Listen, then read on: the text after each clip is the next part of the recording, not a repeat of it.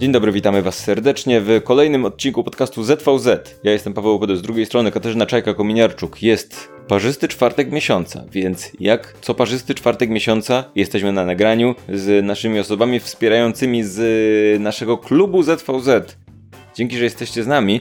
Dzisiaj jest temat blisko ludzi, Kasiu, więc mam nadzieję, że już taki termin powstał u nas. Że mamy czasem tematy blisko ludzi albo Elon Musk. Ale wiesz co, bo teraz jest tak pośrednio, bo z jednej strony blisko ludzi, a z drugiej, no z drugiej Mark. Tak, Mark, ale Elon Musk też się gdzieś, nie, gdzieś tu pewnie przewinie, ale ale, ale, może nie będziemy jakoś bardzo się w to angażować. Dzisiaj będziemy rozmawiać o social mediach i o tym, że mówi się coraz częściej i coraz szerzej o tym, żeby finansować je również za pomocą płatnych kont użytkowników. Ale zanim do tego przejdziemy, kilka ważnych ogłoszeń. Jedno ważne ogłoszenie jest takie, że jak zawsze wspierają nas nie tylko osoby, które są w klubie ZVZ, ale też nasze osoby wspierające ze specjalnego, najwyższego, najwspanialszego progu. I jest to, jak zawsze, Weronika z podcastu ma opowiedziane, jak zawsze Krzysiek Kotkowicz i nowa osoba, Oldman, Gary Oldman. Gary Oldman nas wspiera? To Oldman, Gary Oldman to jest. Yy, ty nie znasz tej osoby, ale generalnie Oldman, Gary Oldman jest osobą, którą ja znam ze wspierania innych projektów, w których biorę udział albo nie, na przykład napisów końcowych u chłopaków, albo spalmy to. Więc generalnie, yy, no to jest, można. Old, Gary Oldman jest, można powiedzieć, wiesz, mecenasem kultury wysokiej. Ale, ale to jest możliwe, że to jest po prostu Gary Oldman, który po prostu jest, uwielbia Jest to, możliwe, robi. że to jest Gary Oldman. Y, jest, jest jakaś szansa. Albo wiesz co, może y, są takie rzeczy różne, które się mówi. Na pewno i Oldmana, Garego Oldmana i Garego Oldmana prawdziwego łączy przy sześć osób, czy coś takiego, sześć kroków, można w sześć kroków dojść do nich. Albo gdyby jechał wagonik i były dwa tory, na jednym byłby Gary Oldman, a na drugim Oldman, Gary Oldman. To byśmy zamordowali Gary Goldmana, ponieważ on nam nie, nie daje nam pieniędzy. pieniędzy. Tak, no właśnie. To, to jest proste, jakby rozwiązaliśmy dylemat wagonika jakby bardzo szybko. Tak, tak, i właściwie to nas bardzo fajnie prowadzi, to jest taki bardzo fajny segway do pieniędzy, bo będziemy dzisiaj rozmawiać o social mediach i pieniądzach i o tym, ile te pieniądze zmieniają. I czasem zmieniają to, że rozjedzie was wagonik, a czasem zmieniają to, jak korzystacie z social mediów i co one mogą wam dać. I to jest ciekawe o tyle, że przez długi czas się o tym mówiło, a teraz już nie tyle o tym mówi, tylko to się staje rzeczywista rzeczywistość, że się tak wyrażę ponieważ zarówno Twitter w sposób absolutnie kretyński, jak i teraz Meta, czyli Facebook i Instagram, wprowadzają płatność za ten blue badge, czyli za tą weryfikację. I tutaj mamy do czynienia z połączeniem takich dwóch rzeczy. Jedna rzecz, której chyba wszyscy się spodziewali w jakiś sposób, to znaczy, że wraz z zmniejszającymi się wpływami z reklam, które to zmniejszające wpływy z reklam wynikają z tego, że się gospodarka światowa zdestabilizowała, będą szukały te platformy nowego sposobu pozyskania pieniędzy po prostu, no bo muszą jakoś działać, to są duże firmy. E, I tutaj rzeczywiście spodziewano się, że będzie w jakiś sposób model subskrypcyjny, że będzie się wprowadzać jakieś opłaty. Natomiast wydaje mi się, że zobaczenie przez te platformy, dostrzeżenie, że weryfikacja e, i jakby twoja własna, potwierdzenie tego, że ty jesteś tobą, to jest ta, ta przestrzeń, w której będzie można, będzie można najwięcej zarobić, to jest coś, czego chyba nie przewidziano, a przynajmniej nie w takim stopniu. Wiesz to, y, tutaj jest bardzo, bardzo, bardzo dużo rzeczy do rozpakowania. Jakby, mhm. jak, kiedy mówiłaś, to już miałem w głowie, wiesz, listę rzeczy, które chcemy omówić. I y, jest tak, przede wszystkim mm, wydaje mi się, że warto omówić trzy przykłady, bo każdy z nich, mimo że jest bardzo blisko siebie, tak na pierwszy rzut oka, to różni się bardzo mocno. Pierwszym z nich jest Twitter, to o czym mówiłaś, czyli kompletnie kretyński sposób podejścia do tego. Drugim jest Facebook, który na pierwszy rzut oka może się wydawać podobny, ale różni się w kluczowych rzeczach. Na przykład tego, że jakby przede wszystkim tego, że w Twitterze, na Twitterze Elon Musk po prostu stwierdził, dobra, płaccie za ten symbol niebieski, który wszyscy chcą mieć, żeby być zweryfikowani. Jakby płacisz, dostajesz ten symbol niebieski, tak?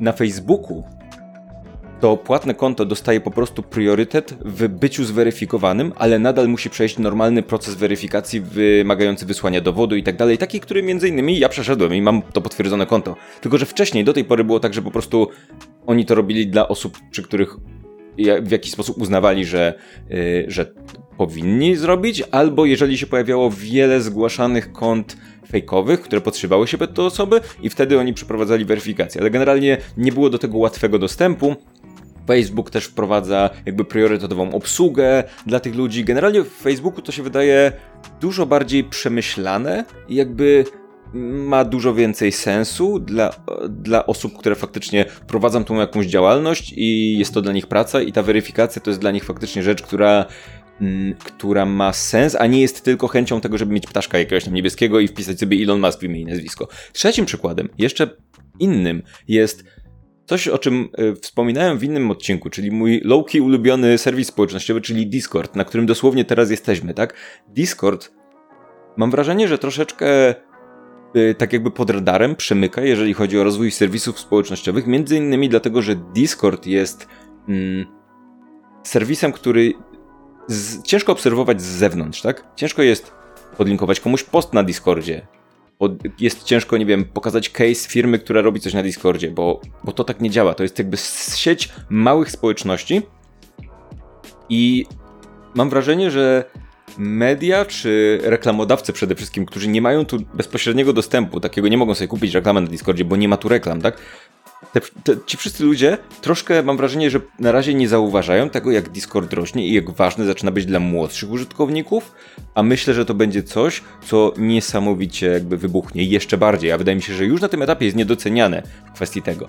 Ale, mm, ale jednocześnie yy, Discord opiera się w dużej części na płatnych kontach, tak? które dają pewne dodatkowe możliwości. No nie dają bycia zweryfikowanym siłą rzeczy, ale dają na przykład możliwość stworzenia y, różnych profili na różnych, y, na różnych serwerach, możliwość dodania awatarów jakichś tam animowanych, wysyłania większych plików. Mamy też y, tutaj na Discordzie różnego typu usługi dla twórców serwerów, gdzie możemy sobie kupić jakiś premium do tego serwera, dodać do niego więcej emotek. Emotki, jeżeli ktoś ma premium, może używać emotek z serwera jednego na innym serwerze i, i tak dalej, i tak dalej. Czyli ktoś na przykład miałby, mając premium, mógłby wklejać swoją twarz w różne miejsca, bo mamy taką emotkę na naszym Discordzie, tak? Więc to są trzy przykłady płatnych kont, które, y, które w jakiś sposób mm, y, Ka ka każde na pierwszy rzut oka wydaje się być podobne, a tak naprawdę są czym innym. I rzecz, którą jeszcze chciałbym powiedzieć na początku, wiem, że część osób pewnie teraz wpadnie i gdzieś tam słuchając w swojej głowie powie, ja to nie korzystam z social mediów, miał być temat blisko ludzi, mnie to nie interesuje. Wydaje mi się, że tutaj warto powiedzieć na początku, że wszyscy w jakimś tam stopniu korzystamy z social mediów yy, i w jakiś sposób one na nas wpływają. Nawet jeżeli jesteście hipsterem XXI wieku i nie macie Facebooka albo nie korzystacie z yy, Twittera, coś tam, to nie ma to najmniejszego znaczenia. Jakby te, te serwisy korzystają z was. Jakby te serwisy i yy, mówiliśmy o tym trochę w odcinku o Twitterze, tak? To w jaki sposób informacje są yy, przetwarzane, przesyłane przez te serwisy, jak media je analizują, jak, jaki one mają wpływ na rzeczywistość, na komunikację, na codzienność milionów ludzi, sprawia, że no to jest nasza codzienność. Nie da się powiedzieć, ja to nie korzystam, mnie to nie interesuje, nie obchodzi. Jakby jeżeli słuchasz tego podcastu, to korzystasz. Jakby korzystasz z internetu i social mediów, jakby nasz podcast jest też w pewnym sensie medium społecznościowym. My jesteśmy ludźmi, którzy mówią ludzi, do innych ludzi, a ty tego słuchasz, więc wszystkich nas to dotyczy w jakiś sposób, więc warto to omówić, nie? Tak, ja się absolutnie zgadzam, jakby wszyscy jesteśmy trochę właśnie w tym takim e, kosmosie social mediów, które albo z nas korzystają, albo my z nich korzystamy, albo właśnie tworzą atmosferę, w której działamy. Dla mnie ciekawe jest właśnie, bo mnie to osobiście tak bardzo interesuje, że tak naprawdę coś, co potencjalnie było takim domyślnym elementem tych wszystkich serwisów, właśnie to, że to jesteś ty, że jest twoje zdjęcie, że wrzucasz swoje materiały, stało się w pewnym momencie tym, czym e, te platformy grają, chcą zarabiać, właśnie to, że musisz potwierdzić, kim jesteś.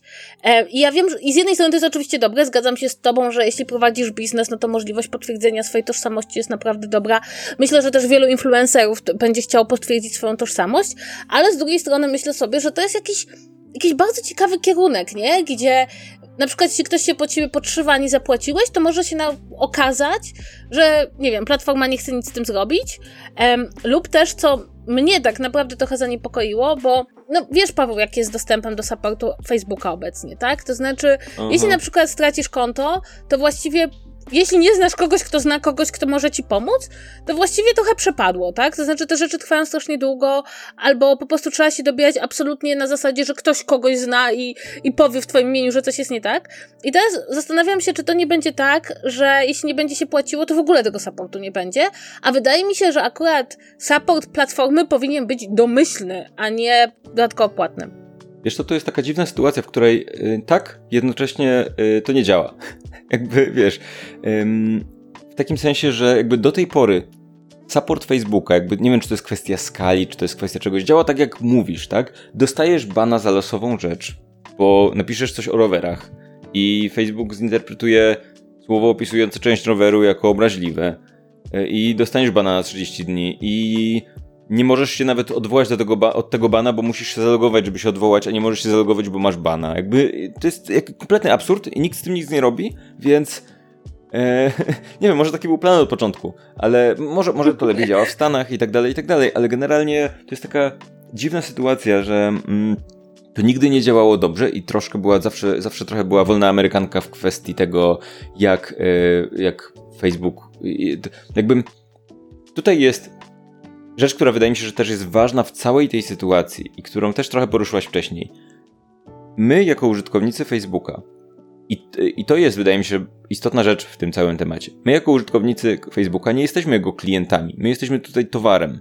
Klientami są klienci biznesowi. Oni przynoszą pieniądze, tak? My nie przynosimy pieniędzy na tym etapie, tak? My jesteśmy towarem. Facebook się y, jakby utrzymuje z reklam i y, do tej pory utrzymywał, powiedzmy, z reklam, więc właściwie y, co, co zrobisz? Co, i, i, co, obrazisz się na tego Facebooka, że dostaniesz tego bana, że ci tam zablokowali?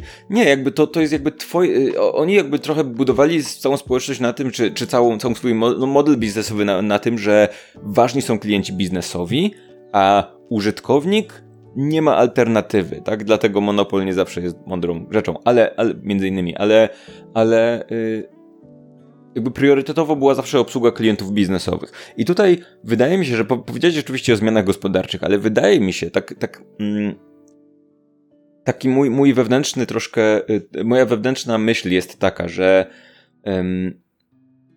opieranie internetu na reklamach to jest coś, co jest wielką przegraną i, i jakby rzeczą niemożliwą do zrealizowania i udowadniamy to jako internet od lat. Na początku było tak, że wiesz, internet mamy za darmo, reklamy są, tak? Potem się okazało, że te reklamy ludzie sobie zaczęli wyrabiać ad, ad blindness, tak?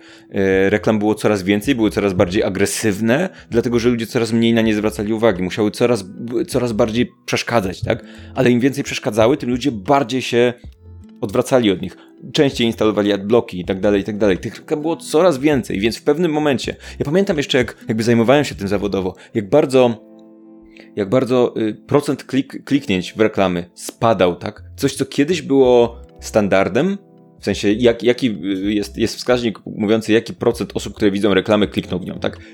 Wskaźnik, jakby poziom, który kiedyś był standardem, minęło kilka lat i okazało się być jakby rzeczą niemożliwą do osiągnięcia. Jakby to było coraz niżej, coraz niżej, więc trzeba było generować coraz więcej odsłon, żeby tych, wiesz, w takim sensie, że wiesz, dzielisz artykuł na 10 części albo robisz galerię na 15 stron, żeby jak najwięcej y, użytkownik przewinął się przez jak najwięcej miejsc, w których się reklama wyświetla, tak żeby mu tych reklam wyświetlić więcej, bo jeszcze rzadziej w nie klika, tak? I w pewnym momencie jakby wybawieniem tego miały być targetowane reklamy, tak? O, tutaj mamy reklamę, ale ta reklama jest przydatna dla ciebie, tak? Bo to nie jest taka, to, to jest reklama na Facebooku, to nie jest jakiś tam byle banerek czy coś tam. To jest reklama, która analizuje twoje potrzeby, twoje zainteresowania i wyświetla ci coś, co cię zainteresuje.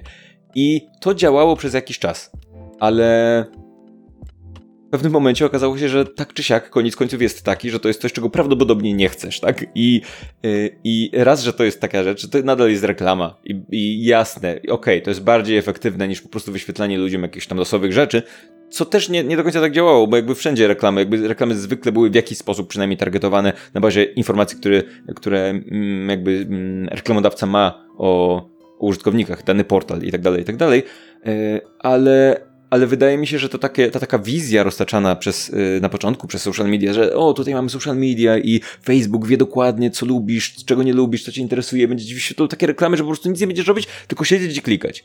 Tutaj dwie rzeczy. A, to tak nie działa, po pierwsze, w sensie po prostu ludzie nie chcą aż tak bardzo klikać w reklamy, nawet jak są specjalnie dla nich. B, jest taka rzecz, którą ja bardzo lubię. Y, nie powiem wam teraz dokładnie jak, ale generalnie na Facebooku da się dokopać do czegoś, co nazywa się wasz profil reklamowy. To o mój Boże, coś, to jest że... cudowne. To jest, naj... to, jest... to jest najśmieszniejsza rzecz na świecie. Słuchajcie, y, to jest coś takiego, że jak znajdziecie jakąś reklamę na Facebooku, to kliknijcie tam sobie trzy kropeczki, coś takiego i jest tam takie, takie coś, dlaczego wam się to wyświetla, czy coś takiego, dlaczego widzę tę reklamę, tak?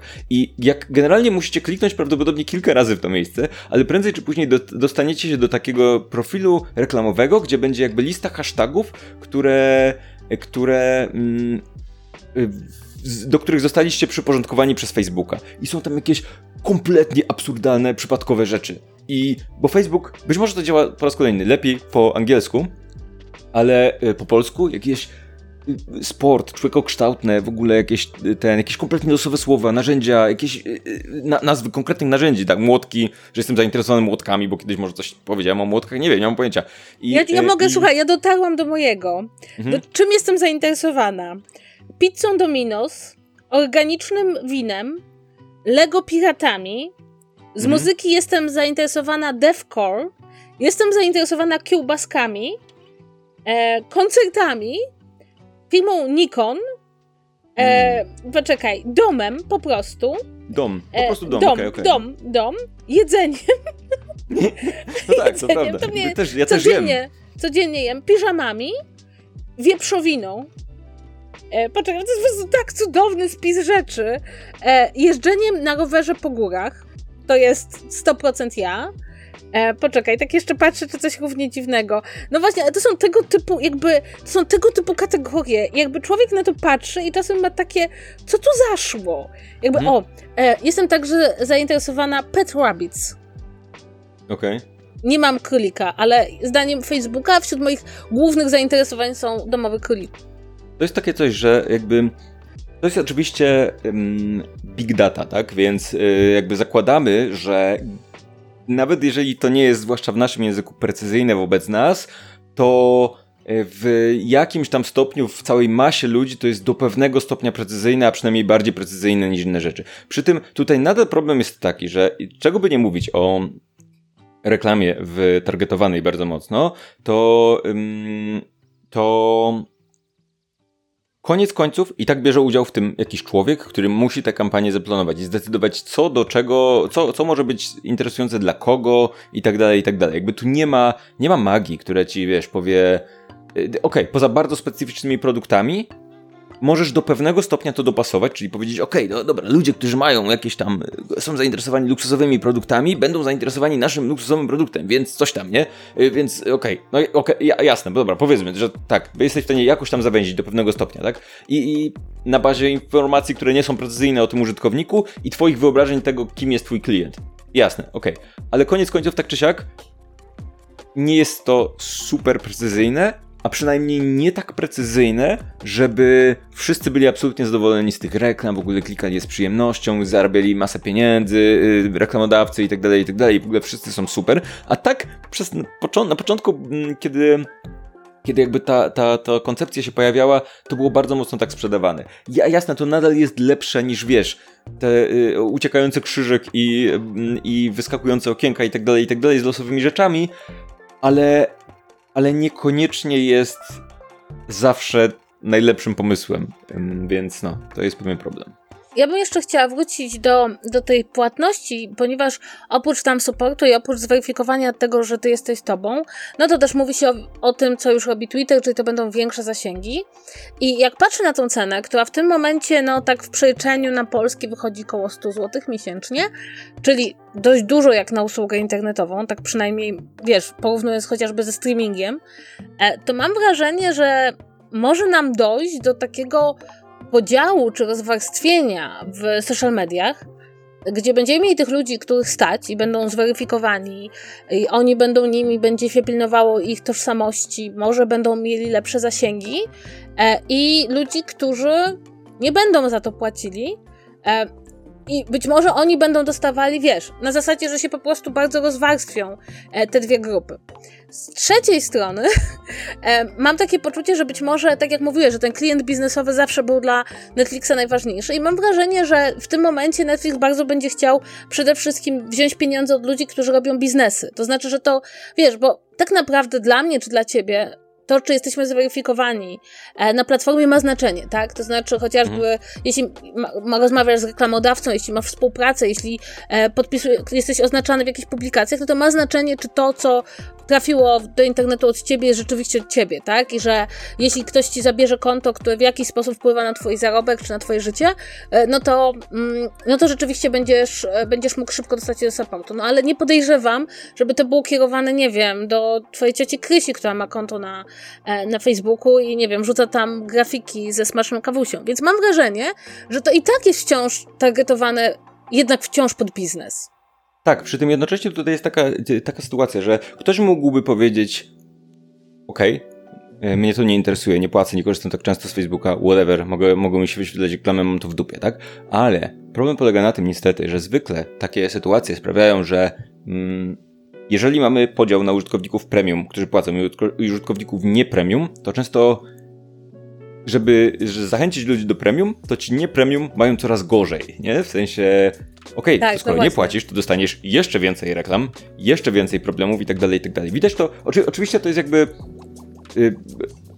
Jasne, możemy tutaj uznać, że, że yy, zaufać Facebookowi, że na pewno tak nie, Facebook nie zrobiłby nam czegoś takiego. No nie, przecież oni są, chcą naszego dobra i, i ten, yy, ale yy, chyba mało kto tak uważa. Yy, widać to na przykład nawet po, po tym, jak Twitter wygląda teraz. Jakby Twitter ma teraz reklam dużo więcej niż dopiero co miał i to jest jakby zbieżne z momentem, w którym, e, w którym bardzo mocno zaczęło być puszowane to Twitter Blue i kupowanie tych premium kont, tak? Że okej, okay, masz połowę mniej reklam będzie, yy, jak zapłacisz. Ale, a teraz, i teraz tych reklam jest dużo więcej niż było zanim, yy, że tak powiem, zmieniła się władza w Twitterze.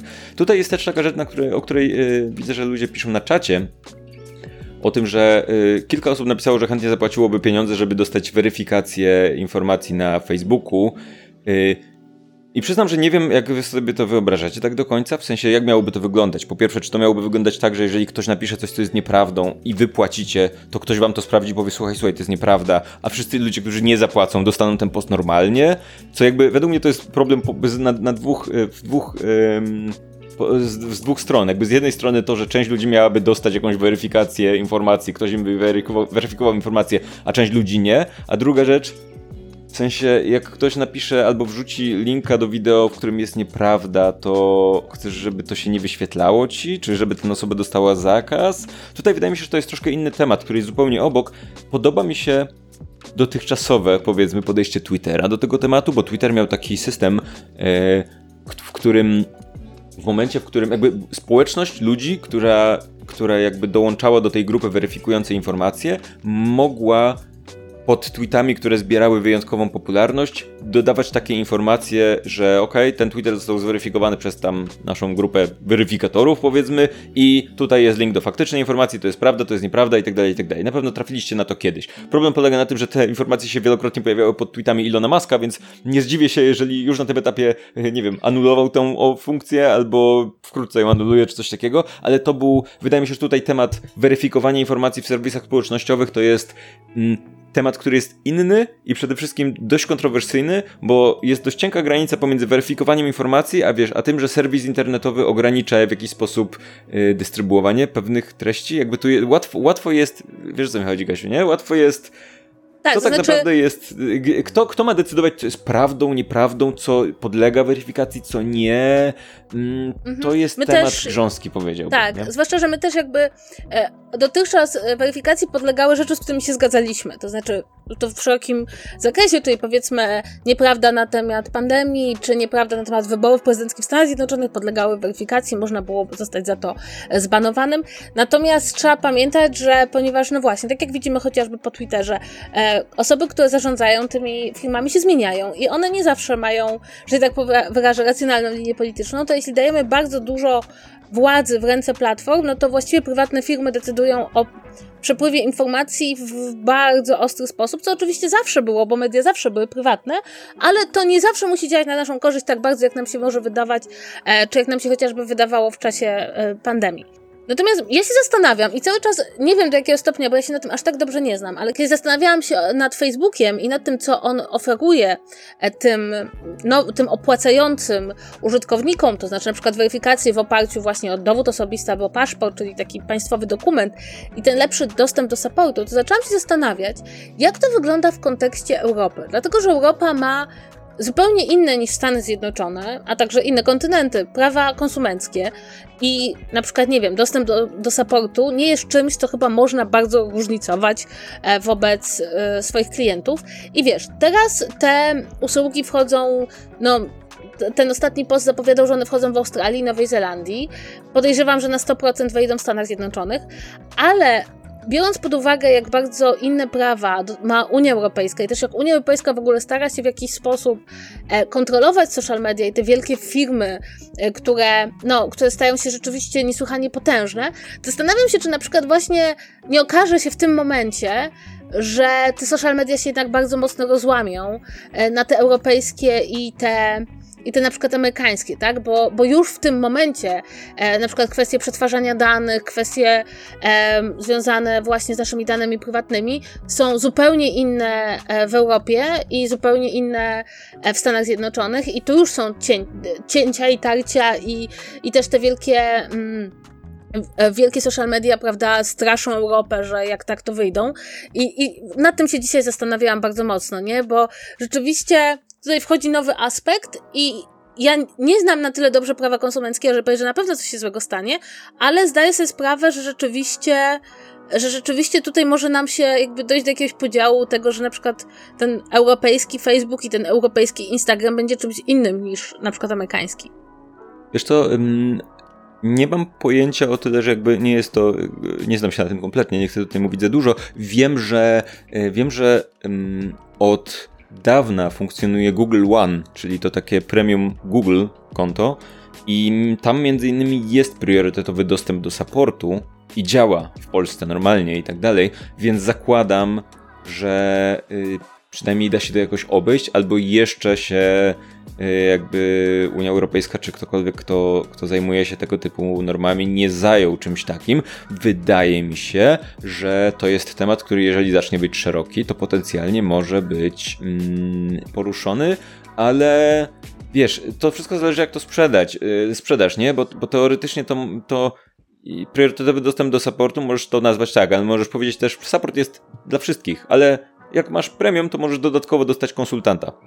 I to jest tak naprawdę lepszy support, ale oficjalnie na papierze masz support dla wszystkich. Nie wiem, wymyślam w tym momencie, wydaje mi się, że.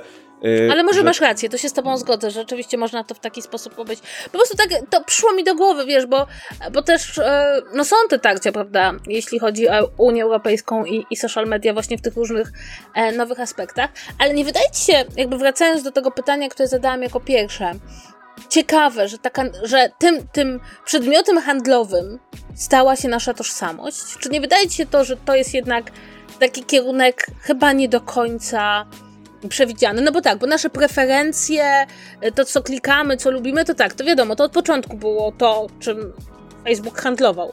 A w tym momencie chodzi o, o to, że my jesteśmy sobą, że się tak wyrażę. Wiesz co? Nie. Nie, nie uważam, nie, że to był problem. I tak, tak, tak trochę patrząc po tym wszystkim, o ile jestem zupełnie przeciwny temu, jak Twitter podchodzi do sytuacji, bo to jest kompletnie obłąkane i to jest ewidentnie kwestia, na Twitterze to jest ewidentnie kwestia eksploitowania tego, że ten badge stał się takim symbolem statusu, tak? Dlatego, że Twitter przez pewien czas ten niebieski znaczek przyznawał tylko ludziom, których co do których uznał, że należy ich zweryfikować, bo są na tyle popularni, znani, więc to się stał symbol statusu, tak? Więc Elon Musk stwierdził, ok, skoro ludzie chcą mieć to, to dajmy im zapłacić, kupią to, tak? I więc jakby to jest trochę naturalna kolej rzeczy, jednocześnie Facebook jakby ewidentnie podchodzi do tego na zasadzie, ok, damy, jak masz płatne konto, to przeprowadzimy ten proces weryfikacji. Tak, nie będziemy tego robić losowo, po prostu ludziom, których uznamy czasem albo nie. I to często było kompletnie obłąkane do tego stopnia, że to było tak, że wiesz, ludzie, którzy mieli większe fanpage, nie dostawali tej weryfikacji i dostawali informację, że są niewystarczająco jakby ważni, że tak powiem, bo dosłownie Facebook coś takiego pisał, a jacyś zupełnie przypadkowi e, z dużo mniejszą liczbą e, subskrybentów czy coś takiego dostawali, więc jakby to było kompletnie losowe, tak? E, jednocześnie wydaje mi się, że to nie jest nawet kwestia tego, ponieważ na Facebooku to ma być przejście całego procesu weryfikacji, to zakładam, że dla mnie to jest taki w miarę rozsądny kompromis, w takim sensie, że okej, okay, jasne, część ludzi to będą ludzie, którzy faktycznie prowadzą jakąś działalność na Facebooku, firmy i tak dalej, którzy po prostu potrzebują y, tego do pracy i wiesz, i chcą odróżnić swój profil jako potwierdzony od faktycznie istniejących jakichś fake, fake profili i tak dalej, i tak dalej, celebryci, nie celebryci, osoby generalnie publiczne, jasne.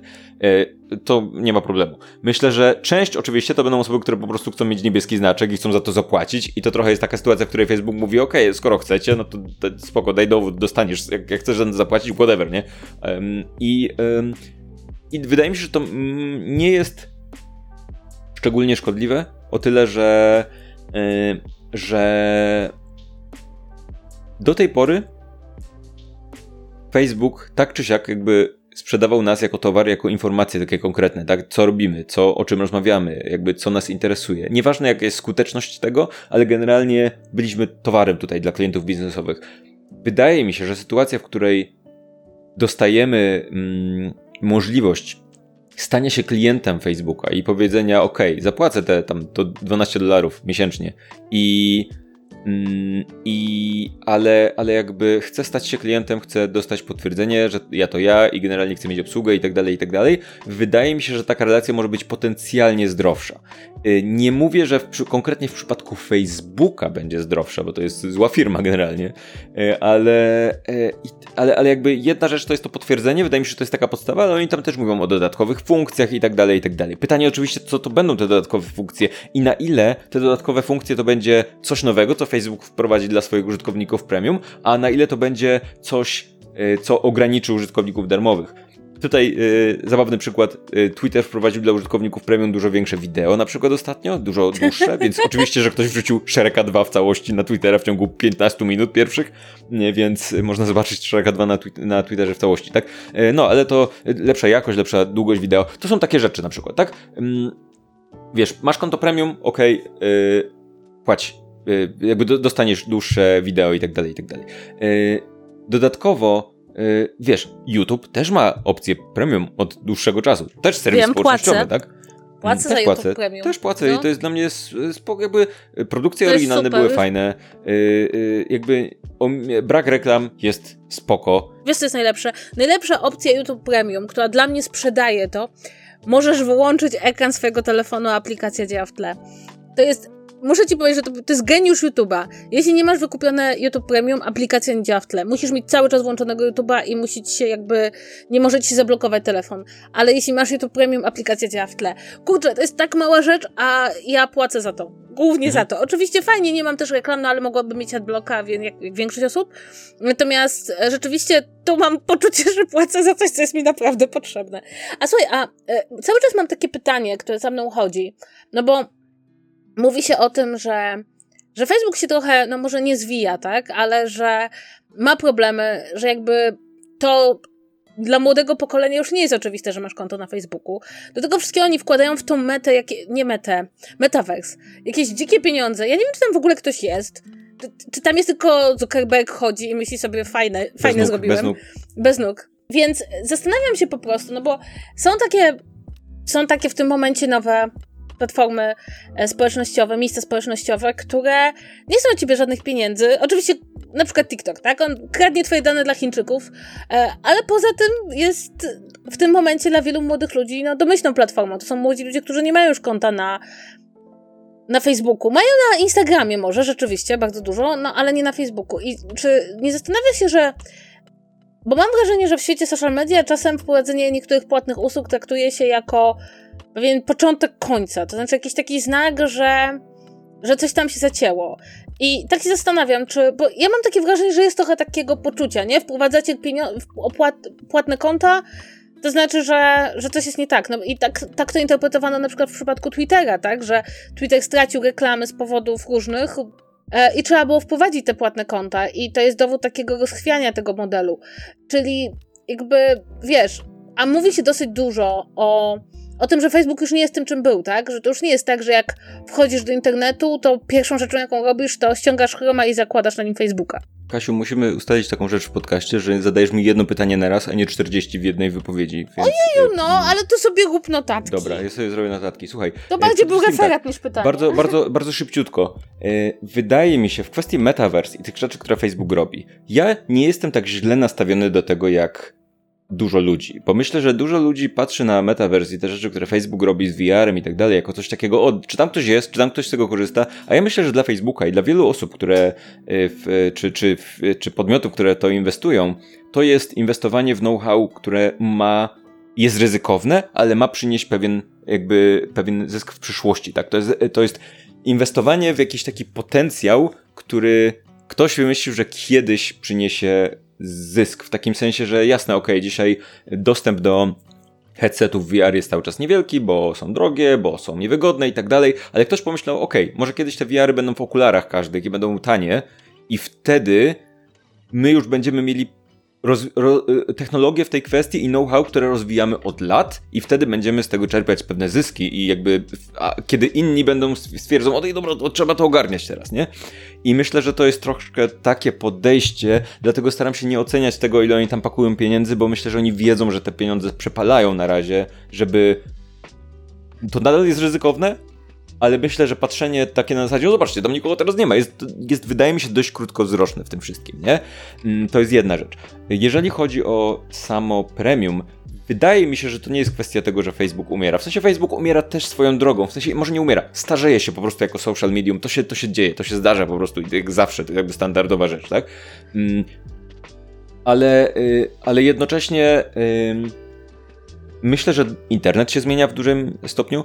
Y, to jest tak, że to jest tak, że ja uważam, że internet trochę jest taki sinusoidalny i y, zwykle jeżeli jeden trend zastępuje drugi i te trendy często się powtarzają i zwykle jest tak, że to mówiłem o tym jakiś czas temu nawet w którymś odcinku podcastu, że ma, internet ma taki trend do tego, żeby najpierw tworzyć jedno narzędzie, w którym jest wszystko, a potem się okazuje, że jak to w tym narzędziu jest za, jest za dużo, jest za mało wyspecjalizowane, bo po prostu jest wszystko, to zaczyna je dzielić na mniejsze narzędzie. W pewnym momencie masz tyle narzędzi, że ktoś wymyśla, a jakby tak zrobić jedno narzędzie, narzędzie w którym jest wszystko i zaczyna znów się zbierać, tak i tak dalej, i tak dalej. Wydaje mi się, że też, pamiętasz, Pamiętasz, jak byliśmy młodzi, portale, a potem i teraz będą wortale, czyli takie jak portale, tylko bardziej wyspecjalizowane i tak dalej. I e, tak by to się powtarza w kółko. To jest jakby. To, to jest moja obserwacja jakby po latach internetu. I wydaje mi się, że teraz ym, niekoniecznie, jakby TikTok jest tym takim social medium, wiesz, yy, takim jakby wychodzącym na zewnątrz, tak? To jest, to jest właściwie platforma, gdzie ludzie publikują rzeczy. I dlatego ja, ja mówię, uważam, że Loki, ale Discord jest ważnym trendem, dlatego że wydaje mi się, że Discord bardziej nawet niż TikTok. TikTok jest taki głośny, taki bardzo, wiesz, widzisz go bardzo wyraźnie, ale wydaje mi się, że Discord dużo mówi o tym, jakie jest podejście do social mediów. Jeżeli chodzi o młodszych użytkowników i ich platformy do komunikacji, to oni nie korzystają z Facebook Messengera czy coś takiego, tak? Discord daje możliwość wejścia na małe społeczności, które są trochę bardziej prywatne, ci ludzie często nie potrzebują aż tak bycia outgoing, że tak powiem, jeżeli chodzi o dzielenie się rzeczami, a jeżeli potrzebują, to wchodzą na TikToka, tak? Ale jeżeli chcą porozmawiać, wbić się do jakiejś społeczności, pograć z kimś razem, stworzyć jakąś społeczność, to nagle Discord się pojawia tutaj jako to, to medium, które jest zamknięte w dużej stopniu, tak? To jest jakby bardziej prywatne w tym wszystkim, tak? My tu sobie siedzimy z naszymi osobami wspierającymi z niesamowitego klubu ZVZ na naszym Discordzie i no nikt tu tam nie wejdzie, ani nikt nie szernie posta stąd, ani niczego takiego nie zrobi, no bo to jest nasza wewnętrzna zamknięta społeczność, tak? I i Discord też opiera się na kontach premium, tak? Które, jeżeli ktoś mocno z niego korzysta, to może zapłacić te parę dolarów za to, żeby tam mieć większe obrazki i tak dalej, i tak dalej. Nie wydaje mi się, żeby sam fakt tego, że, kto, że jakaś usługa jest płatna, sprawiał, że y, świadczył o tym, że ona upada w jakimś tam stopniu. Wydaje mi się, że tutaj yy, to nie jest jednoznaczne w tej całej sytuacji. Więc, yy, więc yy, z tym się nie do końca zgodzę, ale jednocześnie myślę, że w przypadku Facebooka czy w przypadku Twittera to jest trochę, to jest trochę oznaka takiego. Jest taki proces, który, który też zauważyłem jakby w latach jakby rozwoju internetu, tak, że niektóre niektóre mm, platformy, kiedy się starzeją, to próbują jeszcze trochę desperacko zmieniać się na bieżąco i do pewnego stopnia są w stanie, tak? Przy tym wydaje mi się, że, że wersja premium dodana do Facebooka jest takim ewidentnym afterthought, wiesz, na zasadzie, ok, to jest serwis, który miał być darmowy, ale teraz to weźmy to, to go badża weryfik- zweryfikowany i dajmy go ludziom za pieniądze, nie? To nie jest coś, co jakby jest w, w częścią tego pomysłu. To jest coś takiego dodanego później na zasadzie, ok, jakby to jeszcze tak trochę odmalować, trochę odświeżyć i tak dalej, i tak dalej. Mm. I myślę, że takie serwisy są w stanie jeszcze przez długi czas ciągnąć jakby dodając te wszystkie rzeczy, ale w pewnym momencie jakby ludzie przejdą do czegoś, co jest jakby od początku myślane z, z, nowymi trendami w głowie, tak? Myślę, że Facebook jeszcze długo będzie jakby szedł siłą rozpędu, bo ci ludzie, którzy z niego korzystają jeszcze przez długi czas nie umrą, ale, ale ale będzie się starał do pewnego stopnia zmieniać, a no, no jakby Meta ewidentnie inwestuje w nowe rzeczy. Instagram jest ma trochę młodszy profil użytkownika, ale nie aż tak, jakby się mogło wydawać. Y, no zobaczymy, jak to będzie wyglądało, ale wydaje mi się, że to jakby to, to y, każdy z tych trzech przykładów, o których mówiliśmy, czyli Discord, Facebook i Twitter, sięga po te pieniądze w kieszeniach naszych z zupełnie innych powodów, mam wrażenie, i o zupełnie innych rzeczach te, to sięganie świadczy, nie? Zastanawiam się też, czy będzie odpływ użytkowników, dlatego że mam wrażenie, znaczy, to jest moje wrażenie, że ostatnio bardzo dużo się mówi o opłatach w internecie i o tym, ile to kosztuje. Też ja siedzę w platformach streamingowych i ludzie na przykład są dosyć sfrustrowani, prawda, tymi wszystkimi ruchami platform streamingowych, nie wiem, ograniczających na przykład dzielenie się hasłami. Jest jakaś taka duża frustracja z tego, że te wszystkie usługi, które były tańsze, które były bardziej dostępne, się robią droższe. Do tego wszystkiego, no ludzie nie robią się coraz bogatsi. To znaczy robią się dostają coraz więcej pieniędzy, ale jest inflacja. I ogólnie teraz ludzie mają takie poczucie, że raczej zaglądają do swoich portfeli. I czy masz wrażenie, że może być też taka po prostu wynikająca z frustracji, wiesz, takie rzucam Facebooka, po co mi to, jakby, jeśli mam być tym e, klientem gorszego sortu, to już w ogóle nie chcę być klientem. Znaczy ja podejrzewam, że Facebook zrobił jakieś obliczenia, ile osób da sobie spokój, tak? Um, ale masz wrażenie, czy te ludzie tylko tak mówią, czy, czy rzeczywiście odejdą? Bo na przykład z Twittera trochę osób odeszło jednak mimo wszystko, chociaż no nie tylko ze względu na płatności. Wydaje mi się, że dużo ludzi dużo mówi, a niekoniecznie coś z tego wynika. Myślę, że to, to, to kurczę, bardzo trudno to powiedzieć, to, to określić, bo to jest coś takiego, myślę, że ludzie trochę się do pewnego stopnia się, yy, tak, takie mam poczucie, że trochę się męczą już na tym etapie byciem takim powiedzmy dzieleniem się rzeczami w internecie, wiesz, po tym takim y, tych latach zrywu na to, żeby napisać coś i żeby wszyscy to przeczytali i coś takiego, y, jakby mam wrażenie, że coraz y, różne w ogóle ery Facebooka były, że tak powiem. Facebook, pamiętasz, był taki moment, kiedy Facebook był super skoncentrowany na grach w ogóle?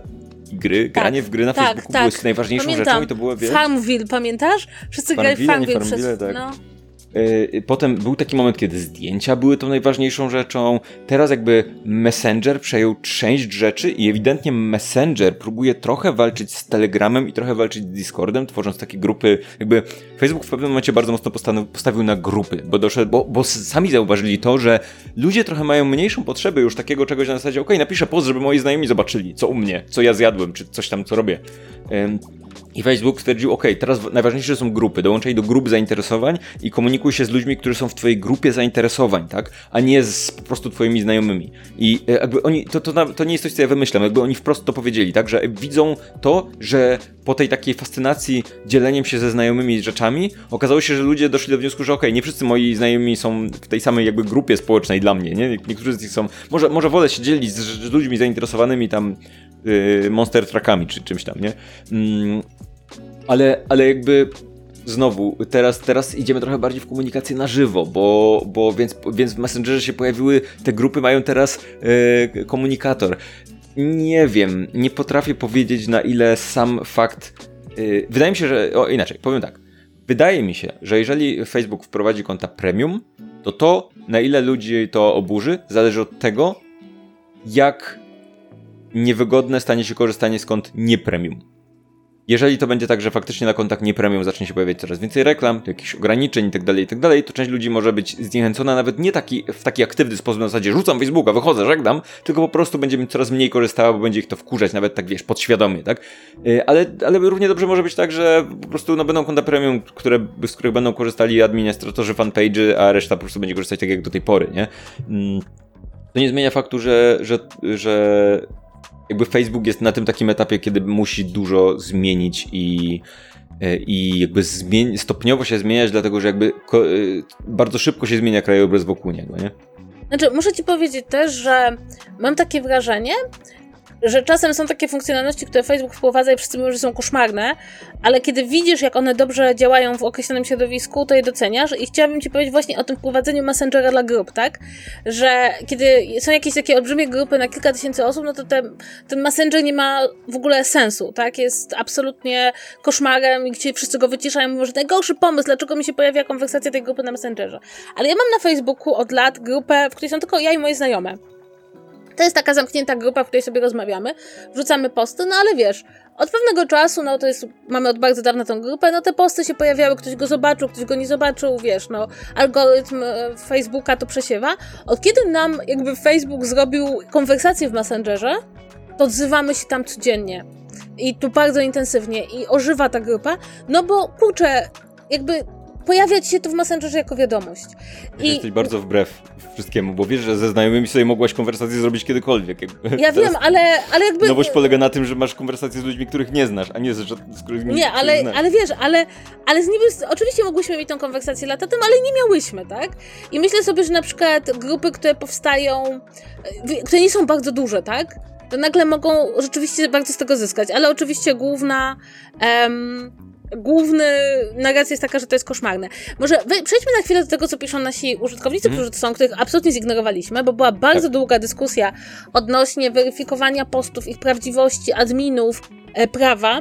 To wszystko w klubie ZVZ, niesamowitym miejscu i rzeczy więc bądźcie. I jest to bardzo ciekawa dyskusja w ogóle odnośnie tego, jak prawo jest w stanie w ogóle nadążyć za social mediami i czy w ogóle, tak jak tutaj jest duża dyskusja o tym, czy da się weryfikować wszystkie treści, które się w socialach pojawiają i czy da się w ogóle tak administrować e, social mediami, żeby możliwe było sprawdzenie każdego postu, no to jest, to jest trochę filozoficzne pytanie, dlatego że jeszcze nie, żaden kraj nie wysił takiego prawa, które naprawdę byłoby w stanie social media ogarnąć, także dlatego, że wciąż są olbrzymie płacie internetu, które nie zostały prawnie, jakby nie to zweryfikowane, ale określone, dookreślone. To są rzeczy, z którymi prawo się nigdy jeszcze nie musiało zmagać. I wiem, że mm, ludzie mówią, no tak, ale internet nie jest nowy i internet mamy od dawna i social media mamy od dawna, ale z perspektywy tego, jak długo tworzyło się każde prawo, które mamy, to wcale nie jest tak długo. Znaczy, prawo się tworzy dosyć długo e, i dosyć długo trzeba analizować różne rzeczy, bardzo często trzeba sobie stawiać pytania, które oczywiście prowadzą do przepisów prawnych, ale są pod pewnymi względami filozoficzne, takiej e, dużo bardziej filozoficznej natury niż byśmy chcieli. Natomiast jest jeszcze jeden aspekt tej rozmowy, który mi się strasznie podoba i tutaj nam Ola napisała. E, ja to przeczytam ten komentarz, bo jest cudowny. Wiecie co, my tu siedzimy i myślimy o przyszłości internetu, a ostatnio moja mama rozwaliła mi mózg. Okazało się, że znalazła jakieś super niszowe forum dla kuracjuszy senatorium i sprawdziła mi statystyki, napisała ponad 10 tysięcy postów, znalazła tam koleżanki, jeżdżą sobie razem na turnusy. Facebook could never. I to jest najbardziej social, jaki kiedykolwiek widziałam w życiu. I nie wiem się zdecydować, czy to dinozaur internetu, czy wyprzedza na wszystkich o trzy okrążenia. Tak, tutaj, tutaj wydaje mi się, że, że warto zwrócić uwagę na to, że my sobie tutaj mówimy o tej takiej, wiesz, fali najnowszych rzeczy, zmian i tak dalej, które się zdarzają, ale prawda jest taka, że social media y, Tutaj pojawił się też inny komentarz. Zamknięte grupy czy tematyczne fora to nie do końca social media. Dlaczego? Jakby Facebooka, Facebook też nie jest grupą, na której są wszyscy, jakby też musisz się zarejestrować i wejść tam, po prostu jest tam więcej ludzi niż na tym forum, ale to nadal jest grupa ludzi, która jest, jakby Facebook też jest zamknięty, tak? Jak wejdziesz na Facebooka niezalogowany, to dostaniesz tylko informację, hej, zarejestruj się. I, yy, i więc to jest tak samo, tak samo zamknięte, tylko po prostu grono ludzi jest dużo większe. I I wydaje mi się, że tutaj jakby social media i generalnie komunikacja w internecie to jest bardzo, bardzo szerokie pole. I oczywiście trudno tutaj powiedzieć, ok, kto, kto jest bardziej social mediowy, albo kto jest nowocześniejszy, albo ciekawszy. To nie, nie, ma znaczenia tutaj. To raczej tutaj oceniamy trochę ogólny trend i w którym kierunku to może pójść, co nie zmienia faktu, y, że cała masa ludzi cały czas korzysta z forów internetowych, z zamkniętych grup, a często jest tak, że jakby te wszystkie narzędzia spełniają pewne potrzeby, które się nie zmieniają. I na przykład Discord w, w dużej części jest oparty na tym, na czym kiedyś był oparty IRC, tak? I kiedyś to była tylko tekstowa komunikacja, ale nadal były serwery, boty, y, kanały itd., tak itd. Tak Tutaj mamy y, te same rzeczy, ale też wzbogacone o multimedia, jakieś dodatkowe rzeczy i tak komunikację głosową. Mm, I i yy, na Discordzie od pewnego czasu można założyć coś takie, takie ponieważ Discord doszedł do wniosku, że okej, okay, ta komunikacja na żywo, jakby taka na formie czata jest naszym jakby konikiem, ale ludzie czasem chcą stworzyć jakiś wątek czy coś takiego, który zostanie na dłużej. I, yy, I jedną odpowiedzią na to było tworzenie wątków samych z konwersacji, ale drugą jest możliwość tworzenia kanałów. My nie mamy tego u nas, u nas na Discordzie, ale może widzieliście gdzieś na jakimś innym, yy, gdzie gdzie y, jakby kanał jest forum właściwie, czyli można na nim stworzyć wątki, w tych wątkach odpowiadać, ale te wątki zostają na dłużej, można wpisać temat i tak dalej. Generalnie można, można na Discordzie stworzyć taki kanał, który będzie działał jak forum, więc spełnia te same potrzeby co kiedyś forum, tylko po prostu są w trochę innej formie, w innej aplikacji zbite i tak dalej, i tak dalej. Odpowiedź dlaczego, na, na pytanie dlaczego Y, tematyczne forum nie jest social medium, to bo na Discordzie czy na prywatnym yy, forum nie wali ci po oczach tysiąc reklam. W sensie teraz społecznością jest to, gdzie są reklamy, a no nie wiem, no wydaje mi się, że Discord jest bardzo serwisem społecznościowym, mimo że nie ma tutaj reklamy. Wydaje mi się, że, że um, definiowanie, co jest social medium na bazie modelu biznesowego nie jest niczym, co prowadzi nigdzie, niestety. Więc wydaje mi się, że tutaj ta definicja jest bardzo szeroka, czym jest social medium tak naprawdę i bardzo płynna też. Wcześniej pojawiło się takie pytanie, czy Discord nie jest bardziej komunikatorem niż social medium. To jest też rzecz, która. To jest stary podział. Generalnie wydaje mi się, że warto o tym zapomnieć na tym etapie, tak? Kiedyś było tak, że mieliśmy właśnie forum, gdzie się pisało i tak dalej, e, i był komunikator, gdzie się pisało na żywo. I to było takie, wiesz, wyraźny podział. Komunikator kontra y, serwis społecznościowy, jakaś społeczność na forum, tak? Ale potem to się zaczęło wszystko mieszać, tak? Bo nagle na Facebooku mamy, ok, serwis społecznościowy, ale jest też komunikator, y, w którym ten komunikator po pewnym czasie stał się messengerem, stał się zupełnie osobną rzeczą, więc mieliśmy znów ten wyraźny podział, ale teraz na przykład Telegram, czy znowu Messenger, zaczyna zbierać społeczności, tak? Jakby zaczyna być czatem społecznościowym, zaczyna mieć jakieś tam aplikacje wewnątrz, boty, nie boty. Wydaje mi się, że na tym etapie y, jest tak wiele różnych narzędzi, Y, związanych z jakby mediami społecznościowymi, że jakby decydowanie, ok, to jest social medium, bo ma reklamy, a to nie jest, bo to jest forum, a to jest komunikatorem, jakby to ta, ta, jakby nie, nie prowadzi to absolutnie, wydaje mi się, że do niczego. Wydaje mi się, że najważniejsze jest to, że po prostu są to miejsca, w których jest jakaś społeczność i jakaś komunikacja między ludźmi i właściwie wszystkie takie rzeczy możemy uznać za social media, nie? Tak, też mi się tak wydaje i y, zgadzam się z tym, że w ogóle y, tak jak Zgadzam się z tym, co mówisz o Discordzie, bo tak jak sobie myślę o takich właśnie, to co mówisz, że te social media falują, to właśnie widzę teraz na przykład grupy na Facebooku są bardzo popularne, a z kolei te grupy strasznie przypominają dawne fora takie fora internetowe, które były, właśnie miały zamkniętą grupę, która rozmawiała potencjalnie na jeden temat. I ludzie naturalnie, mam, wiesz, social media proponują nam różne opcje, a potem mam wrażenie, że my naturalnie ciążymy do tego samego w kółko i w kółko. Mhm. To znaczy do tego, żeby się spotykać w jakimś gronie i rozmawiać na ustalony temat i mieć pewność, że mniej więcej kojarzymy ludzi, którzy tam są, no bo to jest zwykle jakaś zamknięta grupa i że mniej więcej rozmowy są na ten sam temat. Więc to jest też takie ciekawe napięcie pomiędzy tym, co social media chcą na nas wymusić i jak chcą, żebyśmy funkcjonowali, a do czego my naturalnie dążymy. I zgadzam się z tobą, że ponieważ te fora ciągle wracają, właśnie to zamykanie się w jakiejś grupie, żeby rozmawiać na jakiś temat, to być może to jest po prostu silniejsze od nas, wiesz, że jasne, można nas namówić, żeśmy grali w gry, autoprezentowali się, robili zdjęcia śniadania, czy 30-sekundowe filmiki, ale w końcu wracamy też do tego, że chcemy sobie pogadać w zamkniętej grupie. Wydaje mi się, że tutaj ciekawym jest ten taki konflikt pomiędzy pomiędzy uporządkowaną a nieuporządkowaną treścią, tak? Y, zobacz, że w pewnym momencie Facebook i inne social media zaczęły promować coś takiego i jakby puszować coś takiego jak ok, wejdź i wyświetlimy ci tablicę, na której będą rzeczy w losowej kolejności i my sobie zdecydujemy, co cię może bardziej interesować, a co nie, tak? Oczywiście ludzie zawsze mówią tak, no dobra, ale ja chcę też możliwość, mieć możliwość wyświetlenia rzeczy chronologicznie i tak dalej.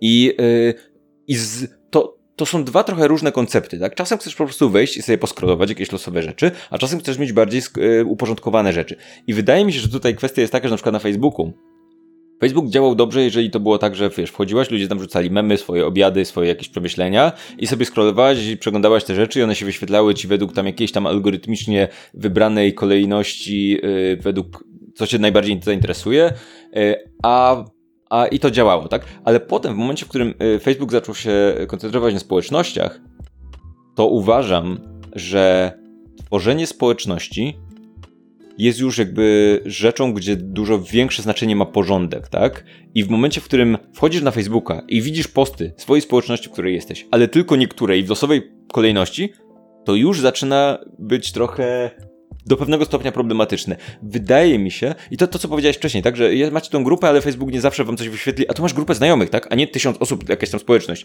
Stąd znowu wydaje mi się, że wiesz, no Discord na przykład daje ci możliwość dużego, dużej kontroli nad uporządkowaniem tej społeczności, stworzenia kanałów, nie kanałów, wątków tak dalej, tak.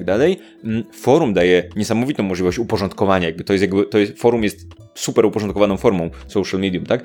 Mm, I Facebook ewidentnie idzie w tym też kierunku, jakby próbuje dodać narzędzia do grup, które pozwolą ci to gdzieś tam tagować te posty, jakieś tam zakładki wyświetlić, jakieś tam y, y, grupy konwersacji stworzyć i tak dalej, i tak dalej, bo ewidentnie ludzie czasem dla tej samej społeczności tworzyli kilka różnych grup na zasadzie ta, ta społeczność, żarty i memy, ta społeczność, poważne dyskusje, ta społeczność, nasze zdjęcia, tak? I tworzyli trzy różne społeczności dla tej samej, znaczy trzy różne, wiesz, y, grupy dla tej samej społeczności, bo nie dało się ich inaczej uporządkować, tak?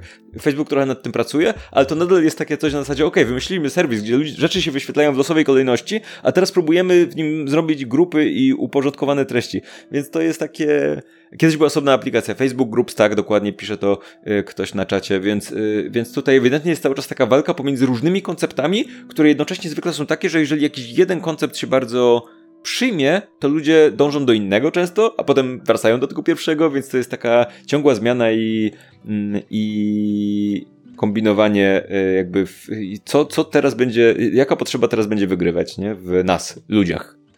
Tak, a jednocześnie ta ewolucja, to, to też chyba warto dodać, zawsze odbywa się przez to, jakby podbieranie różnych rzeczy konkurencji, no bo przecież Facebook w tym momencie i Instagram też, prawda, no chociażby Snapchat był tutaj wielką ewolucją, czy teraz TikTok, które jakby mi się ciągle wyświetlają takie TikTokowe wideo na Facebooku, taki Facebook je bardzo odpycha, a jednocześnie, no właśnie, a jednocześnie ludzie mają takie, no ale nie chcieliśmy tego na Facebooku, po to mamy inne aplikacje, więc to też jest czasem ślepa uliczka, ale ostatecznie wydaje mi się, że jest intrygującym, jak bardzo ludzie reagują na tą informację o zmianach. To znaczy, że są rzeczywiście bardzo mocno do tych social mediów przywiązani do tego, jak one wyglądają, jak się pojawiają właśnie zmiany, jakieś możliwości, no takich zmian przełomowych, jak chociażby płatny, e, płatny Facebook, no to, to mają jakieś takie poczucie, że coś im się zabiera.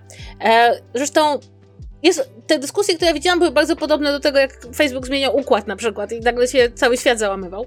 No jestem ciekawa, w, jakim, w jaką stronę to pójdzie, czy, czy będziemy kiedyś widzieli to w zupełnie innych wymiarach, czy nie będziemy sobie mogli wyobrazić niepłatnych... Czwarty wymiar, trzecie oko się otworzy, szynka... Wchodzimy w moje ulubione tematy, widzę, powoli. Tak. Ale na przykład, wiesz, no możliwe, że za 5 czy 6 lat będziemy myśleć, Boże, pamiętacie czasy, kiedy Facebook nie był płatny, jaki to był koszmar. Pamiętacie cza czasy, jak, jak nie było wiara jeszcze, jak nie, nie podpinaliśmy się przez ucho do wirtualnej rzeczywistości, jak nie, nie siedzieliśmy wszyscy... Bez Jak nóg? nie siedzieliśmy wszyscy w meta i rozmawialiśmy z Markiem bez nóg. A wiesz, tak, dlaczego tak. Mark nie ma nóg w metaversie? Żeby nie mógł odejść, tak? Żeby nie mógł odejść, tak, otóż to. Dobra, słuchajcie, bo tak już sobie godzinę o tym rozmawiamy. W sumie zaczęliśmy od czegoś bardzo konkretnego, a skończyliśmy na takiej bardzo bardzo ogólnie, ogólnej refleksji chyba nad social mediami, naszą relacją z nimi. E, I, I wiesz co, na koniec ci powiem, że rzeczywiście wracając do tej mamy, która siedzi na forach, moja mama też siedziała na forach przez lata, e, to powiem, że te fora mają jednak swój urok, nie? Nawet jeśli nie można tam rzucić zdjęć, chociaż można wrzucać zdjęcia na fora, ale jeśli nie mają bardzo wielu funkcji, to jednak to wracanie rozmawianie z ludźmi na jakieś tematy to jest coś takiego, co przyciąga. Tam człowiek zawsze jak wchodzi, to ma nadzieję, że będzie coś ciekawego, dużo bardziej niż na Facebooku. Wiesz co, powiem ci coś innego. Y, ja wiem, że ty nie korzystasz tak bardzo aktywnie jak ja, ale uważam, że że pomiędzy forum internetowym a Discordem jakby tu mamy pełną pętlę. Wydaje mi się, że Discord to jest współczesna wersja tej epoki social mediów, kiedy topem były fora internetowe i IRC i Shoutbox ewentualnie na forum, tak? I myślę, że jakby wracamy, y, zataczamy pełne koło po tych takich bardzo głośnych social mediach, tych takich, gdzie wiesz, publikujesz rzeczy i czyta to cały świat albo twoi fani i tak dalej, i tak dalej. Zobacz, jakby jasne, tu jest dużo, nie chcę tutaj, y, nie chcę tutaj y, sugerować, że to jest jakby to samo, tak, ale dużo założeń jest podobnych, tak? Na Discordzie jak wchodzisz, to nie publikujesz informacji po to, żeby to jacyś obcy ludzie słuchali. Jesteś w jakiejś zamkniętej wewnętrznej społeczności, możesz uczestniczyć w jakich, jakichś dyskusjach i tak dalej, i tak dalej. Mm, więc, yy, więc bardziej uporządkowanych, bardziej... I ja, ja trochę mam, mam Cieszy mnie to, szczerze mówiąc. Ktoś pisze, że zaczynam myśleć, że Discord sponsoruje Pawła. Ja lubiłem tą epokę social media, która była, może też się starzeje, ale lubiłem tę epokę social media, która była trochę skoncentrowana bardziej na mniejszych społecznościach lubiących tę samą rzecz, gdzie nie było takiego ojeju, czy coś mi się wyświetli, czy algorytm uzna, uzna to za ważne, czy nie, kto to dostanie, ile to ma jakichś tam lajków, czy czegoś i tak dalej, i tak dalej.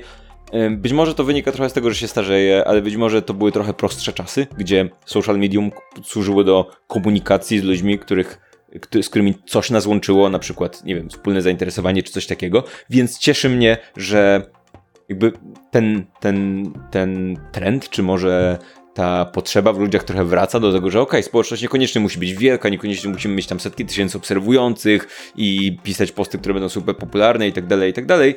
Mm, I i, I, nie wiem, mnie to cieszy i uważam, że to jest fajne. I, I, dużo bardziej wolę wejść dzisiaj na Discorda i zajrzeć do społeczności z ludźmi, które, których znam i z którymi mnie coś łączy interesującego i z nimi sobie pogadać, niż wchodzić na Facebooka i czytać losowe rzeczy, bo al algorytm uznał, że to jest fajne, a pomiędzy nimi widzieć 100 tysięcy różnych reklam, bo algorytm uznał, że interesują mnie szympansy i tam groszkę, groszek i kubki i tam, nie wiem, kaloryfery i kaktusy. Tak. I jak zapewniamy, tego odcinka nie sponsoruje Discord. Chyba, że sponsoruje Paweł mi nic o tym nie mówi, słuchajcie. I po prostu rozpad ZVZ na tle Discorda. Będziemy powoli kończyć chyba, bo wydaje mi się, że możemy tutaj jeszcze długo rozmawiać i poruszać różne wątki.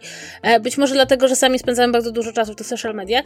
Zobaczymy, jak to się będzie rozwijać. Zobaczymy w ogóle, kiedy to dojdzie do Polski, do Unii Europejskiej, jak to będzie wyglądało. Ktoś mi ostatnio powiedział, że w Niemczech można sobie już zapłacić za weryfikację na Instagramie, co mnie trochę zaskoczyło, bo myślałam, że to jeszcze tam nie weszło. Nie, to podobno w Australii tylko jest, czy coś tam. No właśnie, testowo. więc ja nie wiem, kto, może jacyś Aust niemieccy Australijczycy, czy australijscy Niemcy.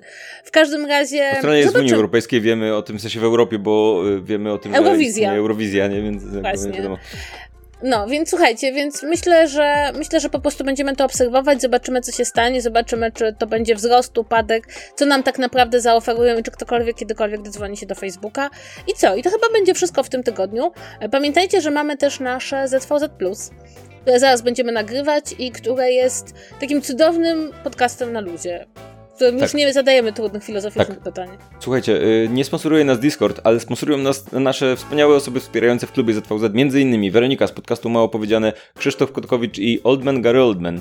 Nie mylić z Garym Oldmanem, tym prawdziwym, bo jego przejechaliśmy pociągiem gdzieś na etapie na samym na, początku, tramwajem tak. na początku tego odcinka, więc no, yy, słuchajcie, pamiętajcie, że możecie do nas pisać kontakt małpa.zvz.pl lub paweł małpa.zvz.pl lub kasia małpa.zvz.pl Czekamy na wasze maile, no i czekamy na wasze komentarze do tego odcinka. Yy, I co? Dzięki, że byliście z nami w tym tygodniu. Trzymajcie się i do usłyszenia. Pa, pa.